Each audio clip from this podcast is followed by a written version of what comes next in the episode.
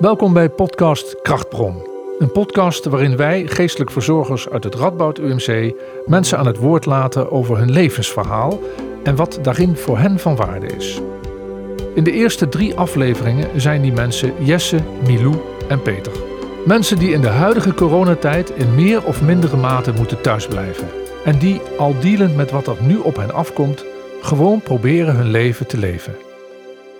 Fijn dat je weer bij ons bent en naar ons luistert.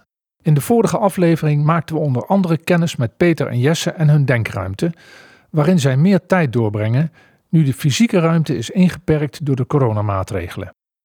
In deze aflevering zoomen we verder in op de relatie tussen de fysieke ruimte en de denkruimte en duiken we in de denkruimte van Jesse en Peter. Zoals we in de vorige aflevering van Jesse al hoorden, is hij een denker.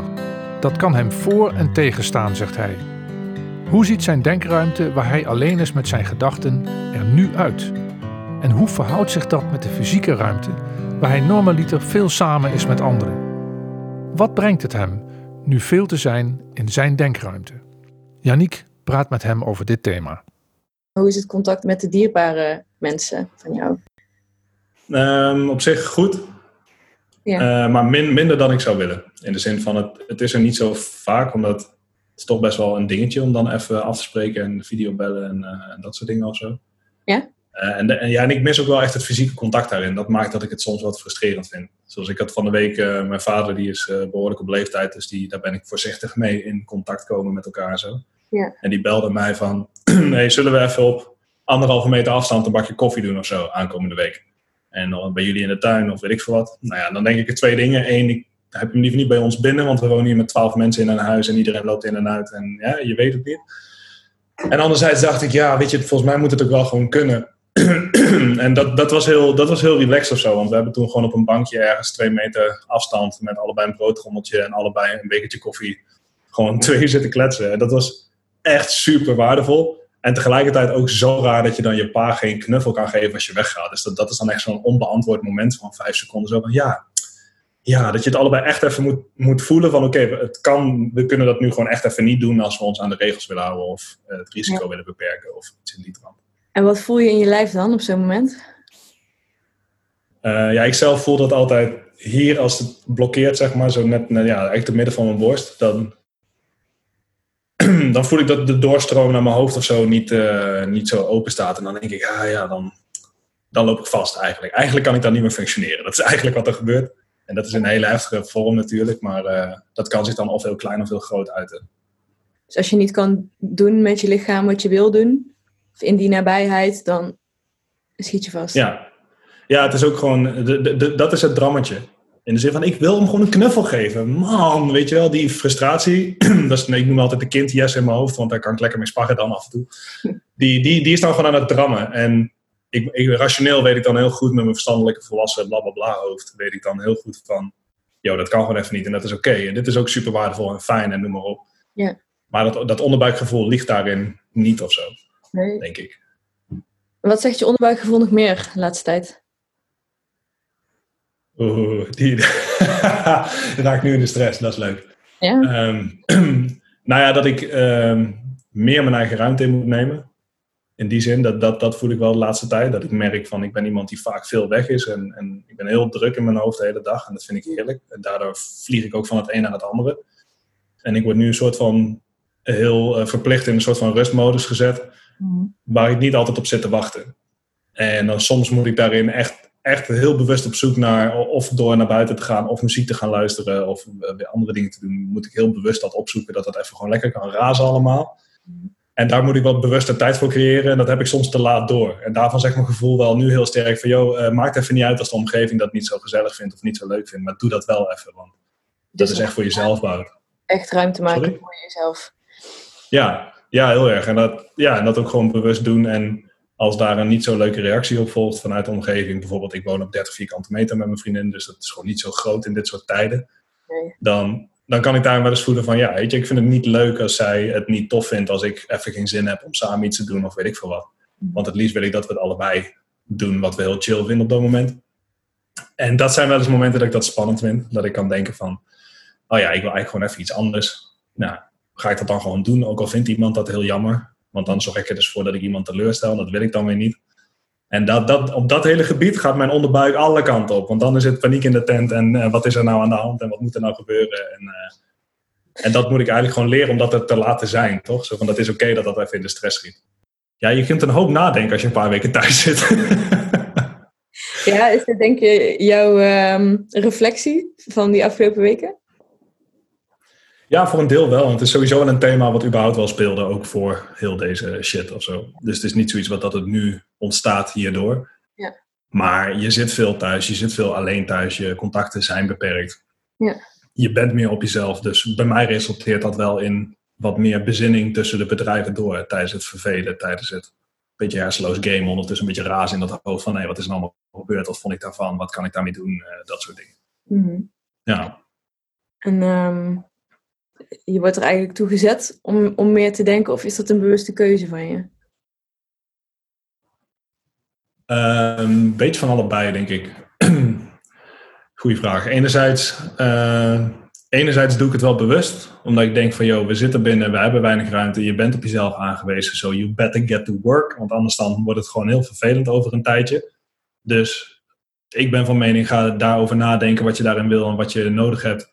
Niet uitstellen tot het moment dat je het echt nodig hebt, want dan denk ik dat je er niet meer zo rationeel naar kunt kijken. Dus dat is een deel. En voor een deel, ja, ja, precies. Als de paniek definitief in de tent is, dan, dan is dat alles wat hierboven gebeurt, is niks meer waard. Joh. Dat is helemaal niet interessant. dus ik denk dat deels is het een bewuste keuze en deels ja, het is gewoon een gevolg van wat er gebeurt. Je zit gewoon veel thuis, dus je bent gewoon meer met jezelf en je kunt wel vluchten in Netflix, in muziek maken, in uh, een biertje of een wijntje drinken of een jointje roken of wat dan ook. Alleen, ja, dat kun je ook niet weken volhouden, want dan ga je op een gegeven moment ga je er wel onderdoor. En dat had ik wel heel snel door. Ik dacht van, nou ja, dat, wij iedere avond een beetje serie kijken of films kijken of weet ik veel wat. Wij hebben de eerste week met een meer hier in huis hebben iets van zes films weggekeken. Nou, ik kijk nooit films, weet je wel. En dan, ja, dat is leuk, maar daarna denk ik, ja, een beetje naar een scherm kijken begint ook wel saai te worden. Dat voel ik nu ineens veel sneller dan normaal, omdat je overdag nu ook veel hetzelfde aan het doen bent. Omdat je Ja. gewoon niet de deur uit kan. Dus betekent dat dat deze tijd eigenlijk een beetje de tijd van zelfonderzoek is? Ik, ik, ik hoop vanuit persoonlijke interesse heel erg dat heel veel mensen dat zo opvatten, ja. In de zin van dat dat... Voor mij, voor mij is dat zeker het geval. Ik denk van... Weet je, de, de natuur zegt gewoon letterlijk tegen ons... Ga maar even nadenken over hoe je het allemaal doet. We worden gewoon even met z'n allen de hoek ingestuurd, toch? Weet je, dat vind ik ergens ook wel iets doops hebben. Dus ik denk, ja, Ja? laten we daar dan ook naar luisteren. Is dat hoe- jij ziet wat er nu gebeurt? De natuur zegt Deels. stil. Nou ja, wel. Ik, heb, ehm, ik weet niet of het zo letterlijk is, maar als ik kijk naar hoe de afgelopen jaren zijn ontwikkeld in wat er aan de hand is, of hoeveel we daarvan meekrijgen, of in ieder geval hoe druk we ons erom maken. En ik heb wel ergens het gevoel dat we een klein beetje de grip als mensheid bij vlagen een beetje verliezen of zo. En dat dat in ieder geval een deel is van, van wat er gebeurt. En dat met de heftige polarisaties van de afgelopen jaren. En weet je wel, links wordt linkser, rechts wordt rechtser. En mensen gaan steeds meer tegen elkaar schreeuwen in plaats van met elkaar praten. Mhm. En daarvan geloof ik, eh, geloof ik wel dat dat energetisch iets doet. Dus dat als daar vanuit een bepaalde energie ook iets ontstaat wat, wat, wat niet, niet flex is, in de, nou ja, zacht uitgedrukt in dit geval, vind ik niet zo gek, want dat is in het lichaam ook toch? Ik bedoel, het lichaam is volgens mij ook gewoon een soort van aarde in het klein, in de zin van als je een bepaald virus of je krijgt iets binnen wat niet goed is, dan gaan er allerlei alarmbellen af en dan krijg je koorts en dan ga je zweten en dan wordt er van alles in werking gesteld om dat weg te krijgen. Ja. En eh, ik weet niet of je, Theo Maas heeft dat ooit een keer gezegd, zo van bij opwarming van de aarde. Ja, weet je, de aarde wil van ons af. Dan denk ik, ja, snap ik wel. Dus misschien moeten we even nadenken met z'n allen hoe we dat kunnen doen en oppakken. Ja.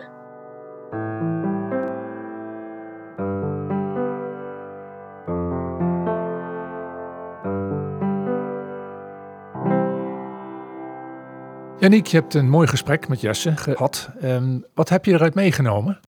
Hij had het veel over eh, zijn zelfonderzoek nu. eh, en het zette mij aan het denken over mijn eh, zelfonderzoek. Eh, en of ik daartoe gezet word en of dat een vrije keuze is. Bij Jesse was dat een beetje van beide. Hij, hij, eh, ja, hij voelde zich gezet tot het denken, omdat hij nu veel alleen is en meer in zijn hoofd. En aan de andere kant is deze tijd misschien wel een hele mooie tijd voor bezinning. Wanneer dingen die moeten een beetje wegvallen. Dus het gesprek met Jesse heeft jou ook iets weer gebracht in de zin van een stukje zelfreflectie. Ja, absoluut. hoe ga ik met die tijd, met die fysieke ruimte en met die denkruimte om? Ja, weet je, misschien heeft het me wel gebracht dat ik alleen maar tot dat zelfonderzoek kan komen als ik wel blijf praten met andere mensen. Niet als ik compleet ehm, in, mijn, in mijn eigen vacuüm eh, wegtrek, maar wanneer ik wel nog steeds eh, naar buiten reik of, of naar iemand toe. En of dat nou, weet je, via een telefoon is of, of in het echt. Natuurlijk liever in het echt, maar Ja. dat zet me wel aan tot denken. Ik denk dat ik daar zonder Jesse misschien niet helemaal zo bewust van eh, geweest zou zijn. Ja, omdat bij Jesse natuurlijk ook de tegenstelling fysieke ruimte en denkruimte eh, werd even in het gesprek genoemd. Hè? En jij zegt nu zelf ook, ik kan niet eh, blijven stilzitten. Ik heb, maar hoe doe je dat dan met die fysieke ruimte? Hoe ga je met andere mensen in gesprek? Je zegt, ik pak een telefoon. Ja, nu. Nu is dat denk ik wel een, een optie. Ja. Al is het maar gewoon of een kort contactmomentje als je wel even in de supermarkt eh, tegen iemand begint te praten. Het-. Of ergens, of gewoon met iemand. Dat je wel af en toe uit jezelf stapt en in, in contact of in relatie wordt gebracht met iets buiten jezelf.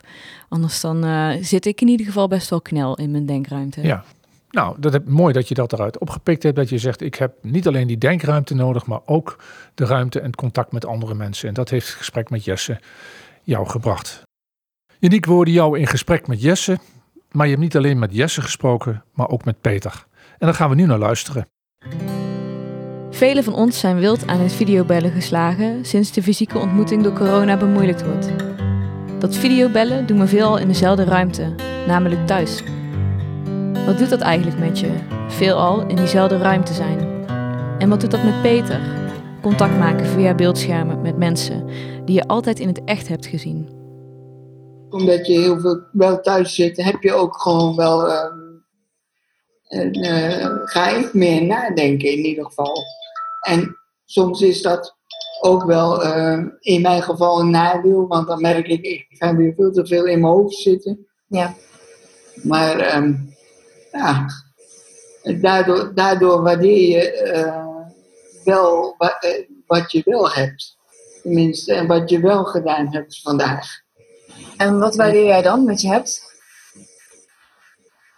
Eh, nou, eh, het begint al heel simpel met het feit dat ik wel een dak boven mijn hoofd heb. Want er zijn ook genoeg mensen die dat niet hebben, die niet een thuis hebben waar ze gewoon zichzelf eh, fijn voelen en thuis kunnen zijn. Mhm, ja. En ik waardeer het op dit moment ook wel heel erg dat ehm, eh, ik thuis de ondersteuning krijg die ik wel nodig heb om 's ochtends op te staan en 's avonds weer naar bed te gaan. En- Waardoor ik toch, toch op mijn manier eh, mijn leven kan leiden. Zoals eh, je dat op dit moment doet. Hey, en waardeer jij die nu op een andere manier dan dat je anders doet, die ondersteuning? Want ik denk niet dat die heel erg veel veranderd is dan normaal gesproken.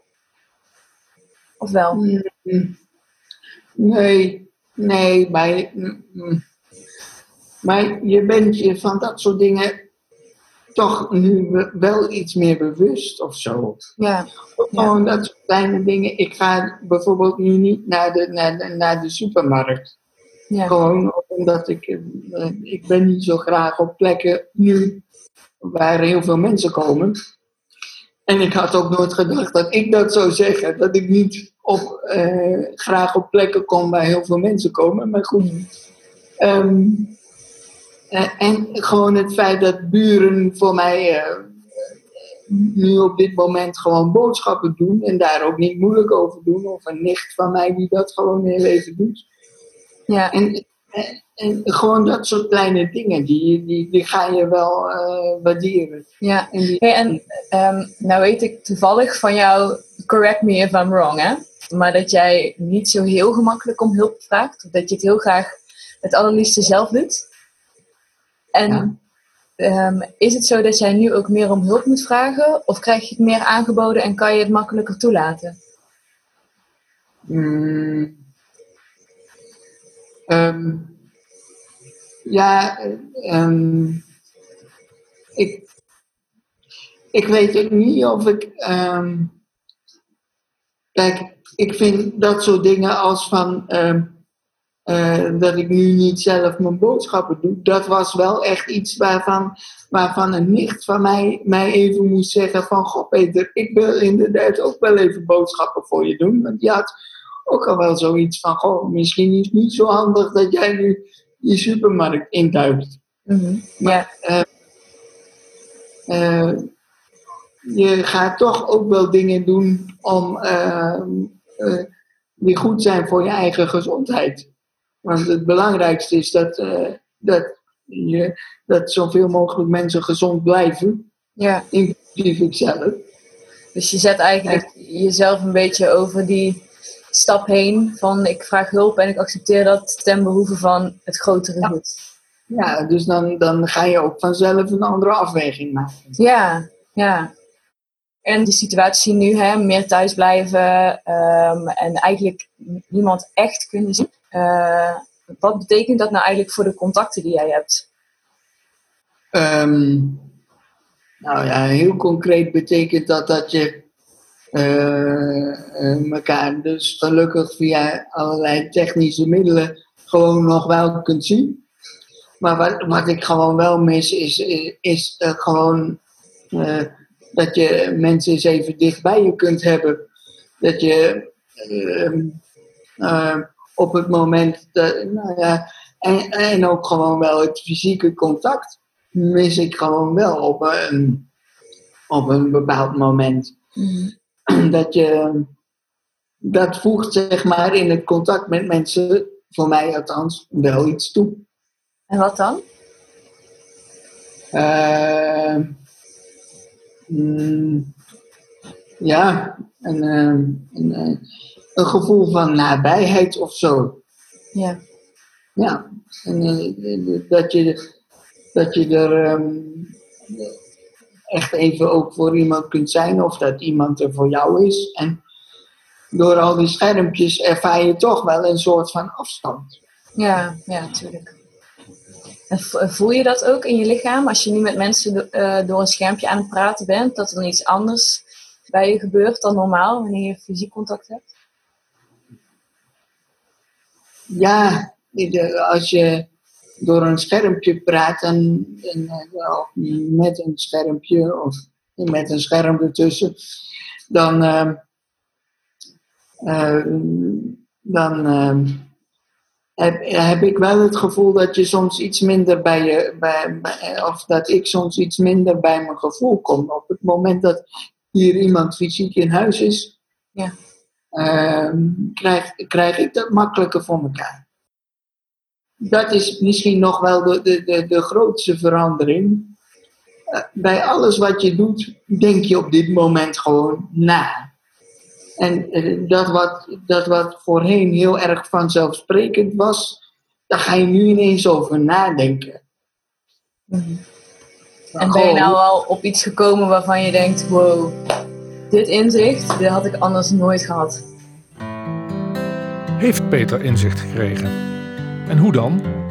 En waarin dan? Dat gaan we horen in de volgende aflevering, waarin we weer met Peter, Milou en Jesse in gesprek gaan. Wil je meer afleveringen van deze podcast beluisteren?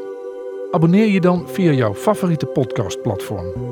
Op anchor.fm slash krachtbron vind je een overzicht van de platforms waar we te vinden zijn. Voor nu bedankt en graag tot een volgende aflevering.